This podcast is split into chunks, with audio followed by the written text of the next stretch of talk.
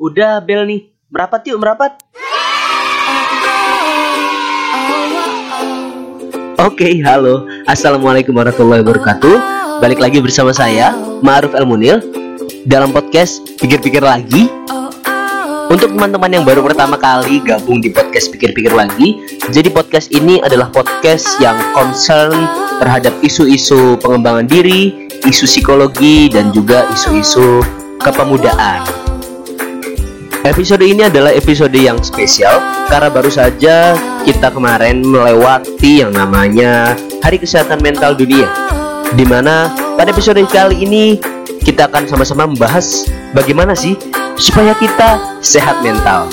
Dan tentunya saya akan memberikan tips-tips praktis supaya teman-teman bisa langsung praktekin. Simak selengkapnya di sini. Yuk, langsung aja kita mulai. 3 2 dan 1.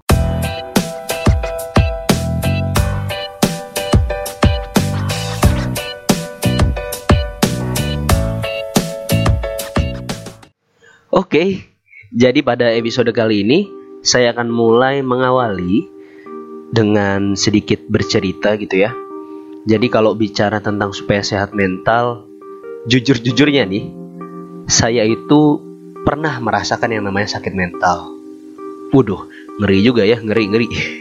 Mesti pada tanya-tanya nih, ah, Maruf emang sakit mental apa, sakit mental apa gitu ya.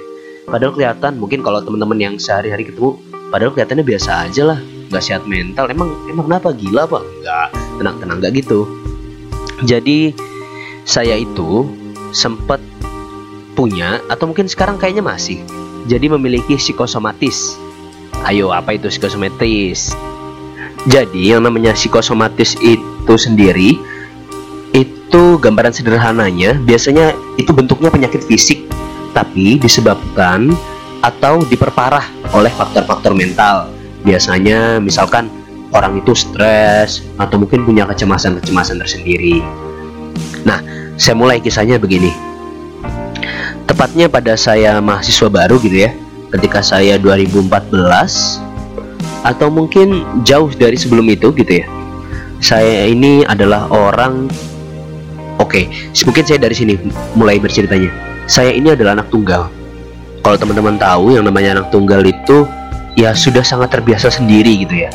Jadi kalau misalkan orang-orang yang punya saudara itu pasti punya teman bermain, punya teman sharing, punya teman-teman cerita. Anak tunggal itu sering kali ya dia hanya bergantung pada dirinya sendiri. Kalau masalah dia bercerita dan segala macamnya dan juga kedekatan orang tuanya itu juga sama kembali kepada dirinya dan juga orang tuanya gitu. Nah, saya besar 6 tahun itu terutama 6 tahun ya SMP SMA di Jakarta di asrama gitu. Saya jujur wah kalau dibilang cukup ngenes sih ngenesnya dalam arti saya itu adalah tipe orang yang cukup pendiam gitu ya, cukup pendiam bahkan di satu titik saya pernah merasa sedih karena saya merasa kok gue gini-gini aja ya? Kok gue gak punya temen? Wah bahkan ada saat di mana gue tuh ketika itu ada perpindahan kamar gitu ya. Ketika perpindahan kamar gue tuh lagi ya namanya perpindahan kamar di sana nggak ada yang namanya box gitu ya. Pindah kamar langsung telepon atau mungkin pesan aplikasi minta pindahin dari satu asrama ke asrama lainnya nggak bisa jelas apalagi ya lumayan berat lemarinya. Intinya ketika itu yang gue lakukan adalah ya gue nyari-nyari teman gitu ya. Gue nyari-nyari teman ke sana kemari ke sana kemari dan ah sedihnya di saat itu nggak ada yang mau coy. Wah gila sih. Nggak ada yang mau bantu gue buat ngangkatin lemari gue pindah asrama. Dan coba lu tebak apa yang gue lakukan. Ya intinya gue menyendiri gue pergi ke suatu tempat. Gue nangis-nangis di sana. Bener-bener nangis-nangis gue gue nangis-nangis dalam arti gue di situ ngerasa wah nggak bener juga gue kayak gini ya. Ternyata gue terlalu orangnya terlalu individualis banget terlalu egois nggak terlalu nggak pernah mikirin temen. Sampai akhirnya ketika gue butuh orang ya mikir-mikir untuk bantu gue itu kurang lebih ketika gue duduk di kelas 2 SMP gitu ya intinya di sana ketika itu saya jujur melakukan refleksi lagi. Melakukan refleksi ketika itu ya jujur-jurannya ketika itu yang namanya di asrama gitu ya di masjid. Saya benar-benar mikirin apa sih yang bikin orang itu kok nggak mau berteman sama gua? Kok males bantu gua? Itu yang di sana gua pikirin singkat cerita gua sedikit demi sedikit berubah. Tahun demi tahun hingga beranjak ke SMA gitu ya. Ketika masa-masa SMA sendiri mungkin nggak beda jauh. Cuma yang membedakan adalah mencoba untuk mengurangi ego. Mencoba untuk mengurangi ego. Tapi yang ada ketika itu saya sangat-sangat menyadari orangnya sangat jarang untuk bercerita terkait masalah-masalah. Karena saya pribadi ketika SMA ngerasa kayak nggak punya masalah terutama masa-masa pribadi mungkin nggak ada. Kecuali ya mungkin masa-masa SMA SMA ya. Masa cita-cita monyet gitu adalah permasalahan-permasalahan gitu. Tapi ya kalau dibilang masalah pribadi nggak ada. Nggak ada sama sekali. Ketika lulus nah ini ketika lulus ini saya jujur saya memiliki cukup banyak permasalahan terutama ketika masuk baru Oke, okay, sorry ini mungkin ada beberapa konteks cerita yang nggak bisa gue ceritain gitu ya di sini ya. Yaitu seperti orang pada umumnya, biasanya orang-orang kalau misalkan punya masalah-masalah yang cukup rumit, biasanya bermulanya dari keluarga. Nah, sama sepertinya gue. Jadi gue ketika itu, ketika gue lulus dari SMA gitu ya, gue punya masalah keluarga, dan gue punya masalah-masalah pribadi lainnya. Dan ketika itu ya anggaplah gue sempat jadi sales gitulah. Di awal-awal masa kuliah sempat jadi sales dan gue cukup aktif di organisasi kemahasiswaan atau unit kegiatan mahasiswa ketika itu paduan suara. Nah sampailah. Wah ternyata setupnya panjang juga ya. Tapi sorry sorry. Itu biar biar lu paham apa yang terjadi sama gue dan mungkin nanti lu bakal nge-relate sesuatu gitu ya sehingga nanti lu mungkin aware sama hal-hal apa aja yang kiranya bakal diperbaiki. Singkat cerita begini. Sampai datanglah suatu saat suatu hari gitu ya di mana gua ini sedang ada training training sales gini untuk pengembangan diri. Jadi gua di sana belajar untuk ya termasuk juga public speaking dan juga sales jadi gua di sana belajar teknik komunikasi dan lain sebagainya. Tapi ketika itu gue jujurnya adalah gue bolos dari yang namanya latihan paduan suara. Iya gue lo bolos dari latihan paduan suara. Ketika itu apa yang terjadi? Gue ditelepon-teleponin sama pelatih gue dan jujur pelatih gue itu adalah wah termasuk orang yang paling galak yang pernah gue temuin lah. Gila-gilaan tuh orang. Intinya dia bilang yo Ruf lu harus datang ke sini. Kalau enggak lu bakal gue keluarin dari paduan suara ini dari tim ini. Ya kan gue panik ya kayak gitu ya. Akhirnya gue mencoba mikir-mikir nih gimana nih gue kan gue sekarang masih ada kegiatan di sini. Sedangkan apa yang membuat gue berat meninggalkan di situ? Ketika di tim itu tim sales itu gue sudah dijanjikan gue akan menerima hadiah ke luar negeri atas kinerja kinerja gue itu ya jujur gue di masa remaja gitu diiming-imingi seperti itu terus ya jelas ya bingungan antara pertama dihilang apa dikeluarkan dari tim paduan suara atau tidak masuk dalam tim yang ada rencana akan diberikan hadiah untuk keluar negeri. Wah gila, ini sama-sama pilihan yang berat, sama-sama dua-duanya gue mauin. Apa yang terjadi? Yang terjadi adalah akhirnya gue nego abis-abisan sama leader gue, sama bos gue di sana, sampai akhirnya gue diberikan izin. Itu pun juga di akhir-akhir menjelang acara berakhir gitu, baru gue selesai, gue selesai, gue ngebut gue ngebut ke sana ke latihan paduan suara. Sampai di tempat latihan paduan suara gue datang yes, seperti yang gue bilang tadi namanya orang galak gitu ya. Gue datang gue dimaki-maki di situ. Gue dimaki-maki di di ya ibaratnya dimarah-marahin lah karena gue dibilang gak komitmen dan sebagainya. Dan kelanjutannya adalah tepat di hari itu juga di waktu itu juga saya menerima telepon. Wah, jadi gue nerima telepon. Ketika gua nerima telepon teleponnya adalah dari hmm, ya intinya dari orang tua lah. Dari orang tua dan di sana konteksnya adalah memperumit permasalahan yang ada pertama tadi udah mikirin waduh nih gue gimana kalau gue nggak nggak dianggap di tim sales ini yang akan keluar negeri tahun depan. Di sisi lain wah gimana gimana nih? Masa gue mau dikeluarin dari paduan suara? Padahal gue udah latihan tiap hari dan cuma hari ini doang gue nggak latihan.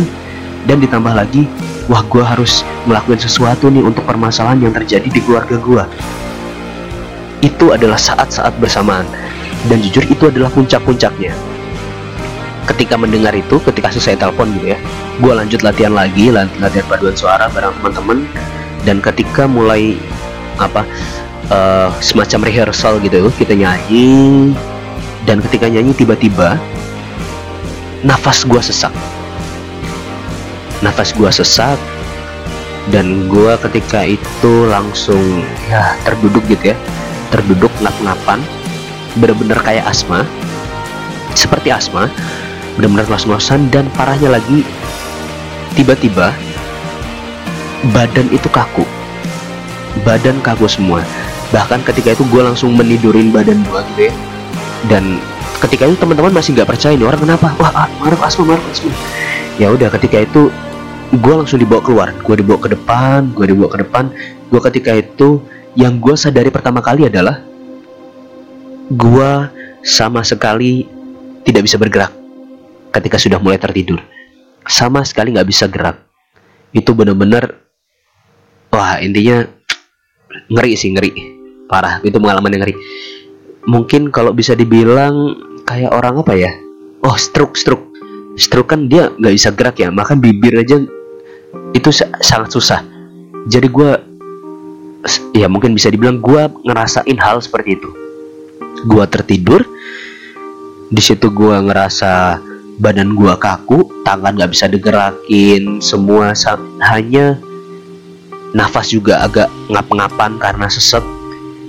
Wah itu intinya itu sangat-sangat lama. Ketika itu terjadi ke gua ada beberapa apa senior gua ya gitu ya. Senior gua itu kebetulan jurusan psikologi psikologi juga sama kayak gua. Dia dia bilang Ruf lu apa lu asma perasaan lu udah gak pernah kambuh lagi dah asma lu. Kan lu juga udah sembuh asmanya. Terus gue bilang ya ya gue bilang ini bukan asma bukan asma. Tapi ya ya namanya orang-orang di situ nggak cuma orang psikologi ya. Itu benar-benar gue dikasih penanganan P3K cuy. Jadi di apa orang orang-orang apa namanya tuh? PMI gitu ya. PMI datang kasih oksigen terus dikasih apa aja tuh segala macam. Ya ya gimana menyembuhkan asli dari fisik penyakitnya? Mereka bingung. Wah ini diapain nih diapain diapain nih? Kok masih nggak bisa gerak nih anak nih? Gimana gimana? Intinya ya di saat itu gue cuma bilang sama teman gue yang itu udah santai aja nggak apa-apa nggak apa-apa. Ini bentar lagi juga sembuh tak gituin. Jadi ketika itu adalah ya yang gue lakuin ya cuma ngatur nafas saja ngatur nafas ya mungkin ketika itu ya istighfar lah. Bener-bener wah gila. Ya Allah nih kok gue ngerasain kayak gini sih? Jadi gue sampai di saat itu sangat-sangat ngeri lah pengalamannya. Dan ketika itu berlangsung cukup lama ada kali 15 menit dan 20 menit lagi. Ada. Bahkan parahnya ketika mulai bisa gerak geraknya hanya sebagian tubuh.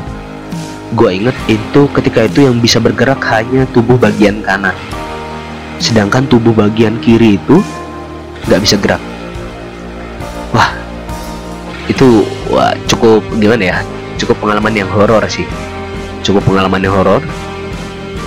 Jadi setelah itu intinya singkat cerita setelah sekian waktu gitu ya atur nafas dan sebagainya alhamdulillah gue sembuh.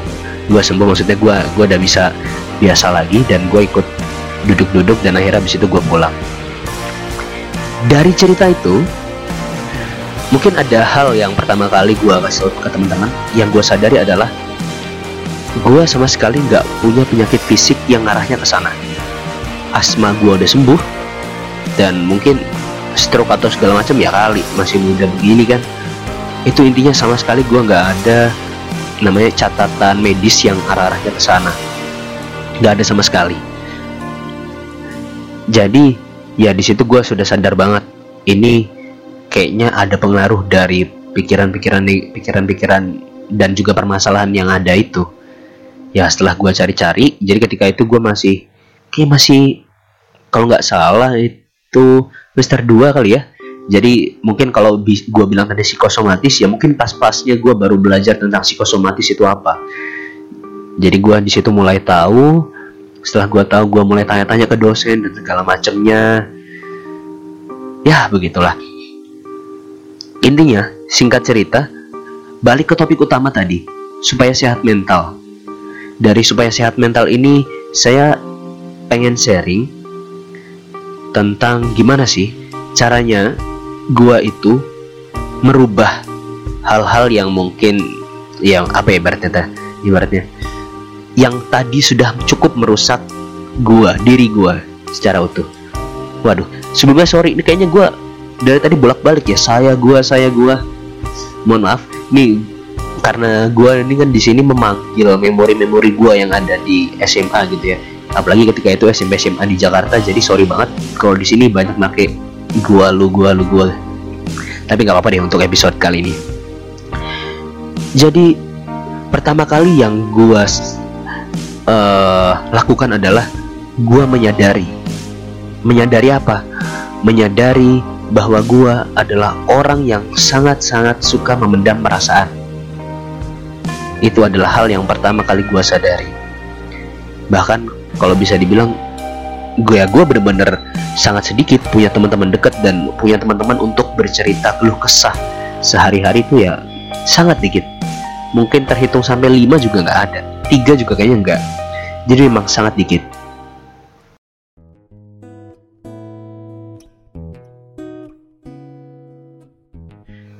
Mungkin episode ini gue akan langsung ngebahas tentang apa sih yang gue lakukan setelah itu. Yang gue lakukan setelah itu adalah gue mencari beberapa teman dekat. Dalam arti gue lebih membuka diri. Dan gue lebih membuka perasaan gue sendiri jadi yang gue lakukan adalah gue mulai banyak deket sama orang. Jadi ya ibaratnya PDKT sama orang gue cukup banyak.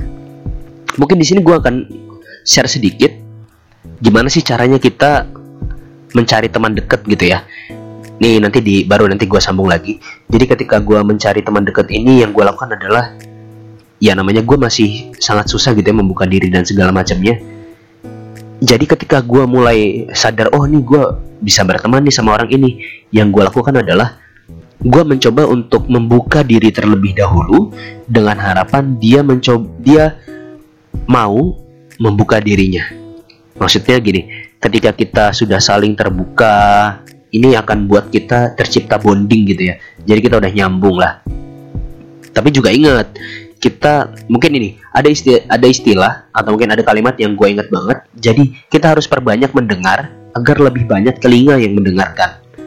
Jadi di saat-saat kayak gini ya kita emang harus bener-bener klop-klopan gitu ya sama teman. Gimana caranya kita biar bisa klop dan kita juga bisa meluapkan hal-hal yang sehari-harinya ada gitu bersama dengan kita. Lalu ketika kita sudah mulai memiliki yang namanya teman dekat, teman yang mau mendengarkan dan tentunya kita pun mau mendengarkan teman kita. Yang namanya pertemanan butuh feedback gitu ya. Timbal balik nggak boleh kita kita cuma teman tuh butuhnya aja tentunya ya di saat teman kita butuh kita juga harus ada. Jadi begini, guna dari teman ini adalah satu, yaitu tempat berkeluh kesah atau tempat bercerita. Jadi bukan keluh kesah, sorry, saya tarik tempat untuk bercerita. Bercerita apa? Bercerita apa saja. Mungkin apa saja yang ibaratnya yang perlu kamu utarakan, kamu ceritakan, kamu sharingkan ke orang lain.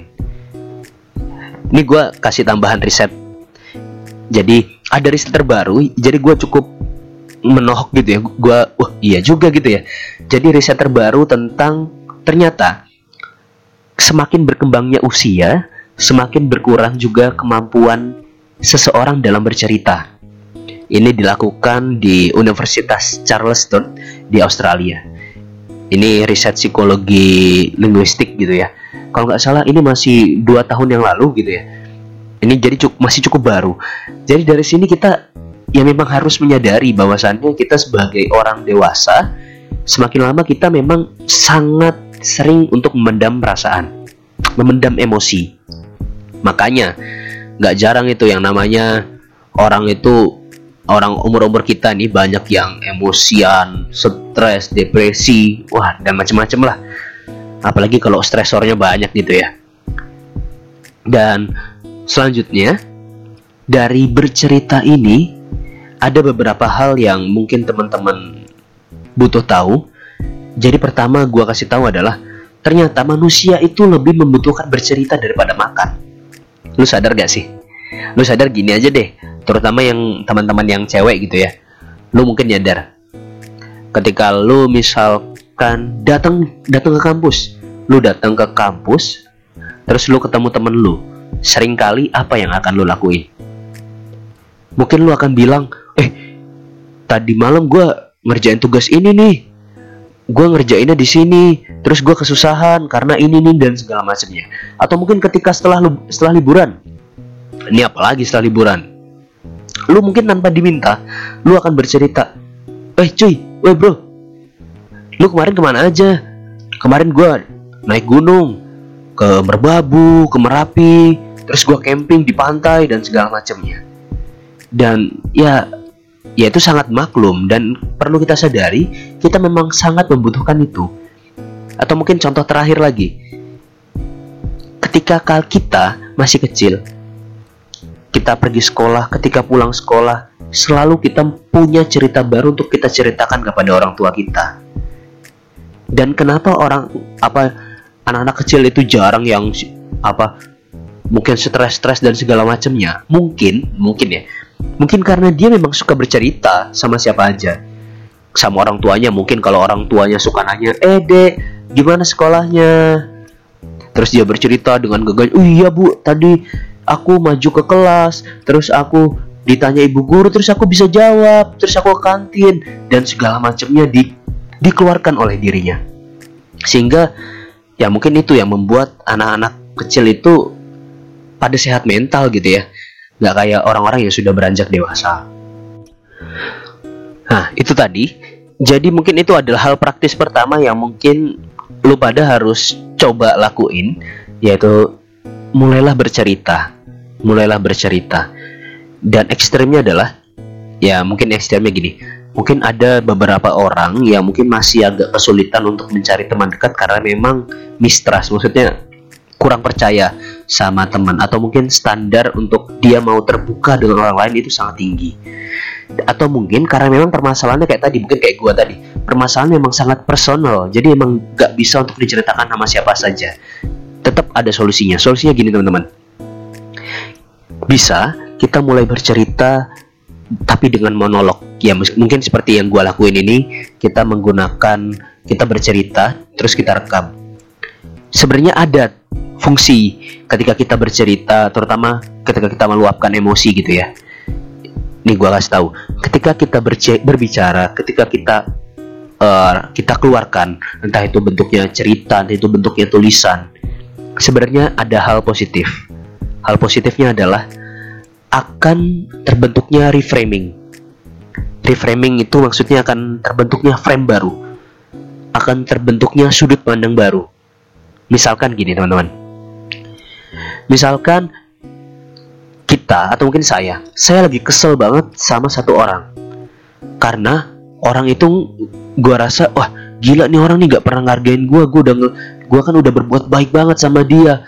A B C D E gua udah lakuin buat dia gue udah sepenuh hati buat dia tapi kok dia malah kayak gini nggak pernah nyapa gue nggak pernah ngargain gue dan segala macemnya mungkin ketika kita meluapkan segala macem alasan-alasan kita atau mungkin kesel-keselnya kita ke dia akan ada satu titik di mana kita menyadari wah apa jangan-jangan gue ada salah ya sama dia?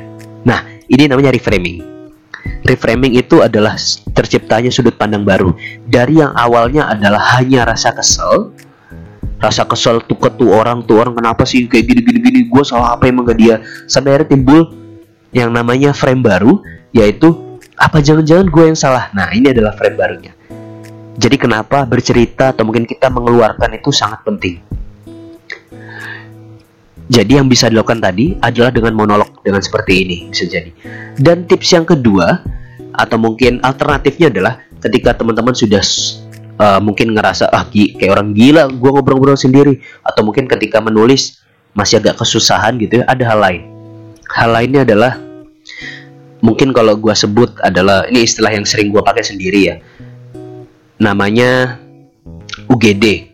Ya, sama halnya UGD yang mungkin kita tahu, unit gawat darurat.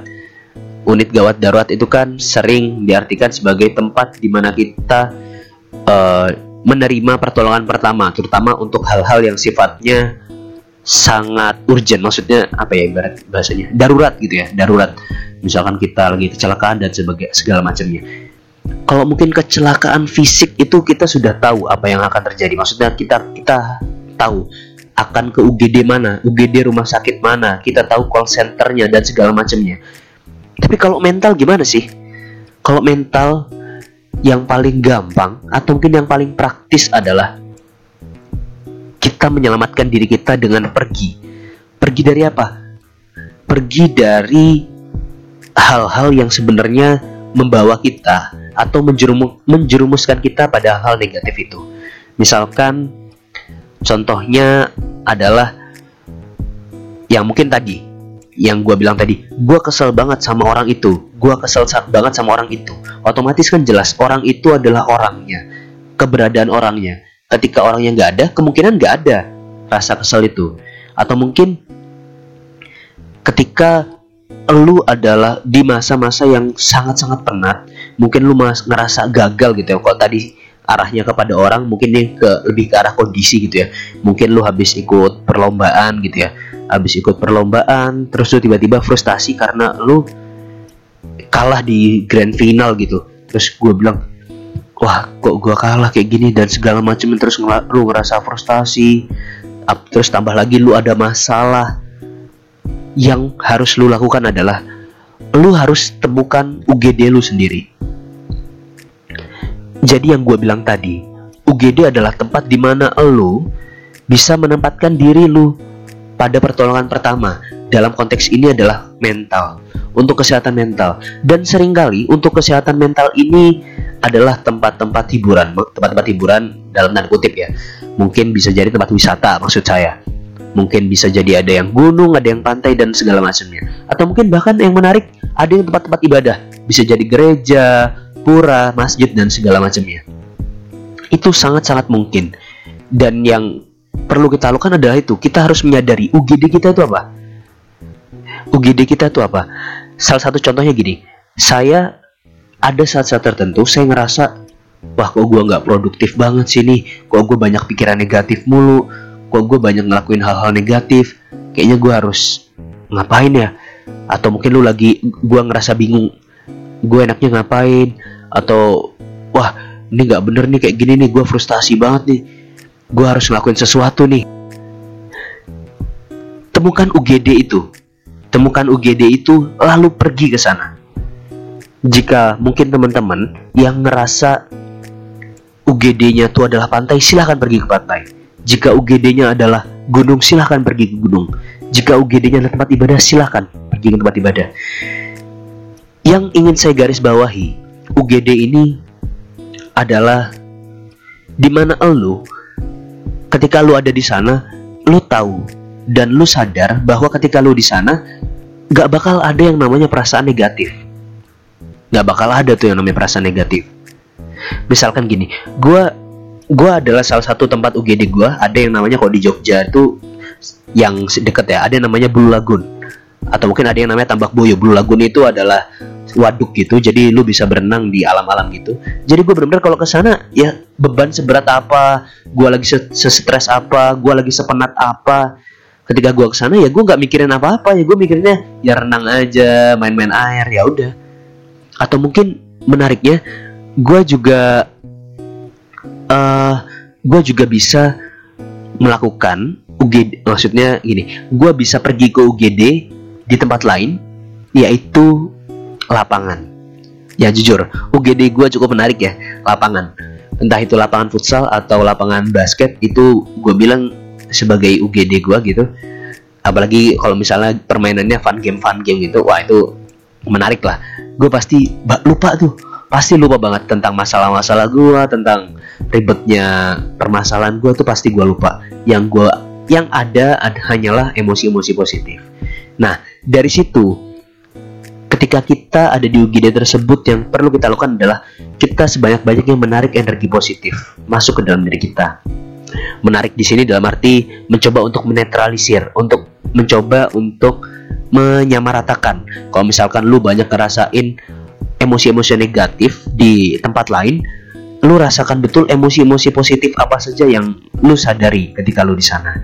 Jadi di sana ada hal yang mengimbangi gitu ya. Supaya apa? Ya jelas supaya mental lu sehat. Supaya lu ya apalagi kayak tadi gua ceritain di menit-menit awal supaya lu gak kayak gua. Gila aja lu lu mau ngerasain kayak gua? Ya janganlah cukup gua aja. Baik, sedikit review untuk episode kali ini. Jadi ini langsung gue tutup aja ya, biar nggak terlalu panjang. Di episode ini intinya adalah game pertama kita mencoba menyadari bagaimana respon ketika respon kita terhadap emosi. Apakah kita memendam atau mungkin ya kita mengeluarkan? Kita harus menyadari. Dan jika teman-teman sadar kalau teman-teman itu adalah orang-orang yang suka memendam perasaan, hati-hati karena apa? Takutnya akan terjadi psikosomatik atau psikosomatis. Parah-parahnya ya, ya seperti yang gue ceritain, uh, ya apalagi pengalaman gue pribadi ya, bukan cerita orang. Dan kalau seandainya itu terjadi apa? Yang pertama kali yang harus dilakukan, pertama adalah sadari emosinya, sadari emosinya atau mungkin sadari sumbernya, sadari sumber stresornya, sadari sumber permasalahannya. Kemudian ketika sudah mulai menyadari ada beberapa orang-orang gitu ya ketika mulai memberikan respon biasanya ada dua tipe antara fly dan fight gitu ya antara kabur atau mungkin langsung melawan tapi kayaknya kalau gua bahas antara fly dan fight ini akan lebih panjang lagi episodenya tapi sederhananya seperti itu. Kenali kriteria teman-teman. Apakah teman-teman itu adalah cenderung orang yang kabur dari permasalahan atau mungkin menyelesaikan permasalahan? Saya tidak mengatakan salah satunya negatif. Saya tidak mengatakan seperti itu. Tapi saya karena saya pribadi jujur, ada saatnya saya kabur, tapi ada saatnya juga saya menyelesaikan permasalahan itu. Dan ini mungkin teman-teman sendiri kayaknya udah bisa deh tapi kalau misalkan teman-teman mau, coba nanti teman-teman DM ke saya supaya nanti saya tahu berapa banyak sih orang yang mau saya bahas tentang fly and fight ini. Nah, ketika sudah mengenali, kita memberikan respon yang tepat. Memberikan respon yang tepat. Jadi memberikan respon yang tepatnya dengan apa? Kalau misalkan kita sudah menyadari tadi ada beberapa hal yang bisa kita lakukan. Pertama adalah dengan bercerita. Kalau tadi gue bilang yang paling gue ingetin adalah kita itu manusia lebih butuh cerita daripada makan. Gue bilangin kok sekali lagi ya, manusia itu lebih butuh cerita daripada makan. Jadi ya kita sadari kebutuhan itu, tinggal kita memenuhinya. Ya dengan cara apa? Kita harus yang pasti ya kita punya temen dong. Masa kita nggak punya temen kan bahaya juga kalau ngomong sendiri mulu. Nah kemudian apa? Ketika sudah mulai ngerasa sulit atau mungkin segala macamnya baru pakai alternatif. Alternatifnya apa? dengan ke UGD yaitu UGD UGD mental tadi yang gue bilang adalah tempat atau mungkin kondisi di mana lu tahu ketika lu lakuin itu ketika lu berada di situ nggak ada emosi lain yang negatif terutama nggak ada emosi-emosi negatif yang hadir ketika itu. Misalkan kalau gue tadi ketika gue main basket gue nggak ada ngerasa kesel atau gue nggak ada ngerasa gue punya permasalahan sama keluarga gue nggak ada punya permasalahan misalnya gue terlilit utang nggak ada itu gue lupa aja tiba-tiba. Atau mungkin ada orang-orang tertentu mungkin ketika ibadah gitu ya ketika sholat ketika doa segala macam terus lupa. Ya itu silakan lu yang tahu. Lu yang tahu di mana UGD lu apa UGD lu maksudnya di mana UGD lu adalah tempatnya apa dan juga penanganannya seperti apa di UGD itu dan silakan teman-teman explore sendiri. Oke, sampai di akhir episode saya harapannya dengan adanya episode yang ini mungkin semakin banyak teman-teman merasakan manfaat positif dari adanya sharing-sharing yang saya lakukan ini. Untuk teman-teman yang ngerasa podcast ini cukup bermanfaat buat dirinya dan mungkin bisa jadi bermanfaat untuk orang lain, bisa teman-teman share gitu ya atau mungkin teman-teman rekomendasiin ke teman-teman dekatnya, terutama teman-teman kalau misalkan teman-teman itu care banget sama temennya supaya nggak nggak sampai kayak gua psikosomatis gitu terutama teman-teman lu yang suka mendem perasaan. Itu ya mungkin lu suruh dengerin dulu deh ini podcast ini siapa tahu dia tiba-tiba terbuka kan sama perasaannya dia. Nah dan kalau misalkan lu juga udah rekomendasiin lah ya lu juga harus siap dengerin gitu aja biar sama-sama enak kan. Nah hmm, setelah itu apa ya? Terima kasih sebesar-besarnya gitu untuk teman-teman yang udah mau dengerin, terutama yang udah mau dengerin sampai di menit-menit akhir ini, 30 menit lebih gitu ya. Ya, semoga semakin bermanfaat. Dan pesan terakhir dari gua, coba teman-teman kasih gua feedback dong. Atau mungkin teman-teman bisa via story dan segala macamnya gua biar ya biar gua tahu gitu sebenarnya siapa aja yang dengerin dan responnya apa aja sih ketika denger podcast ini gitu ya. Oke, okay, gua tunggu responnya. Kalau misalkan mau di Instagram, Instagramnya di Maruf El Munir, nyambung semua Maruf El Munir atau mungkin bisa juga via email di marufelmunir at gmail.com. Baik, itu saja dari saya. Saya Maruf El Munir. Saya undur diri. Sampai jumpa di episode selanjutnya. Wassalamualaikum warahmatullahi wabarakatuh.